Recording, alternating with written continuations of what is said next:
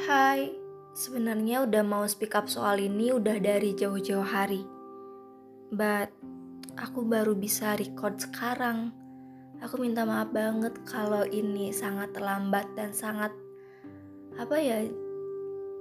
Uh, pokoknya terlambat banget dari jadwal yang seharusnya aku update. Karena kemarin aku sibuk acara kampus dan gak ada waktu buat record.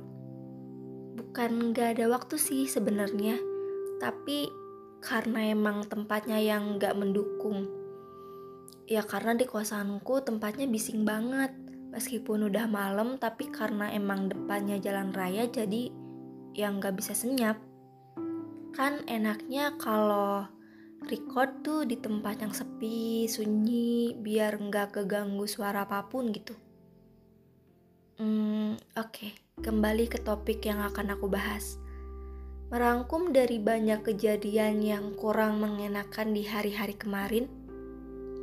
Jujur, aku sedih, aku kecewa, aku marah, aku takut saat ternyata dunia makin gak baik-baik aja untuk kita para perempuan. Bahwa ternyata keadilan belum benar-benar ditegakkan untuk kami para perempuan. Yang terjadi pada kasus kemarin merenggut satu nyawa yang sebelumnya sudah minta keadilan tapi tidak jua ditanggapi. Dan setelah ia tiada, pelaku hanya dijatuhi hukuman maksimal lima tahun. Harusnya, menurutku nih, harusnya nyawa dibayar dengan nyawa. Tapi karena beredarnya isu bahwa si pelaku ini merupakan anak dari seorang pejabat di negeri kita tercinta, ya hukumannya hanya sampai lima tahun. Kebayang gak sih? lima tahun tuh gak bisa ngembaliin nyawa si korban. Gak bisa ngembaliin nama baik, kebahagiaan, dan kehidupan yang layak yang semestinya korban dapatkan. Tak hanya itu, menyusul kembali kasus seorang pemilik pondok pesantren, katanya, telah memperkosa 13 atau 14 santri dan empat lainnya telah melahirkan. Bahkan katanya ada yang anaknya sudah agak besar. Nggak habis pikir banget sih. Gimana bisa dengan tega menghabisi beberapa orang tanpa sedikit pun ia tergerak dalam benaknya tentang kebahagiaan mereka yang telah ia ambil, yang telah ia renggut. Haruskah tetap disalahkan atas pakaian yang kami kenakan? Karena kebanyakan orang-orang tuh nilainya Ya karena pakaiannya sih mengundang hawa nafsu atau perlakuannya sih yang mengundang hawa nafsu. Ini ini santri loh.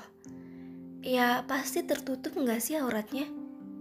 Terus apa yang membuatnya tergerak untuk tetap melakukan hal-hal bejat itu?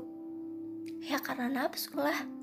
Sesemua semua yang terjadi di atas pelecehan itu itu karena nafsu. Jadi, please jangan selalu salahkan kami sebagai perempuan dengan mengomentari apa yang kami kenakan, apa yang kami lakukan, karena bukan sepenuhnya salah perempuan. Kita kita juga nggak mau ada di posisi lemah tak berdaya dengan keadilan yang miring ke kanan dan ke kiri. Harusnya harusnya tuh para lelaki bisa melindungi, bisa menjaga, bisa memberi kita rasa aman.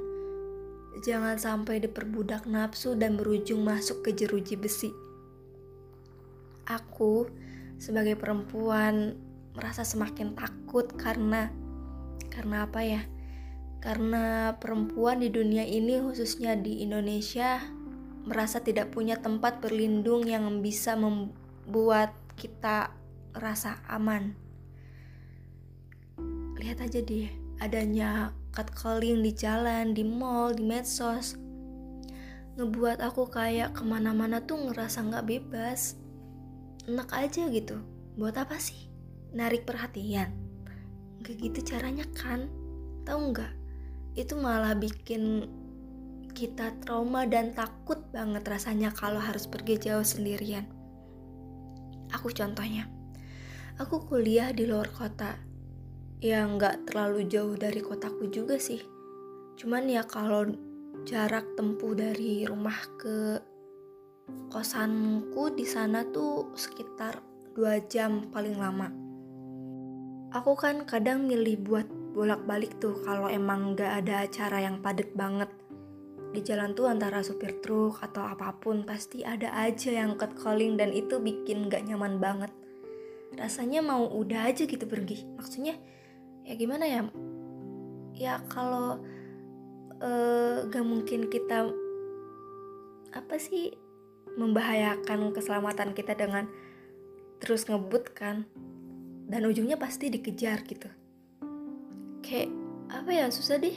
Aku cuma aku cuma mau bilang sih nggak bisa ya kita merasa sedikit aman. Kita sebagai perempuan tuh kalian beri rasa aman sedikit aja gitu membiarkan kita bebas tanpa rasa takut karena pelecehan yang terjadi beberapa hari ini membuat aku sendiri takut tentu aja membuat kita semua para perempuan ngerasa serba salah kita harus apa?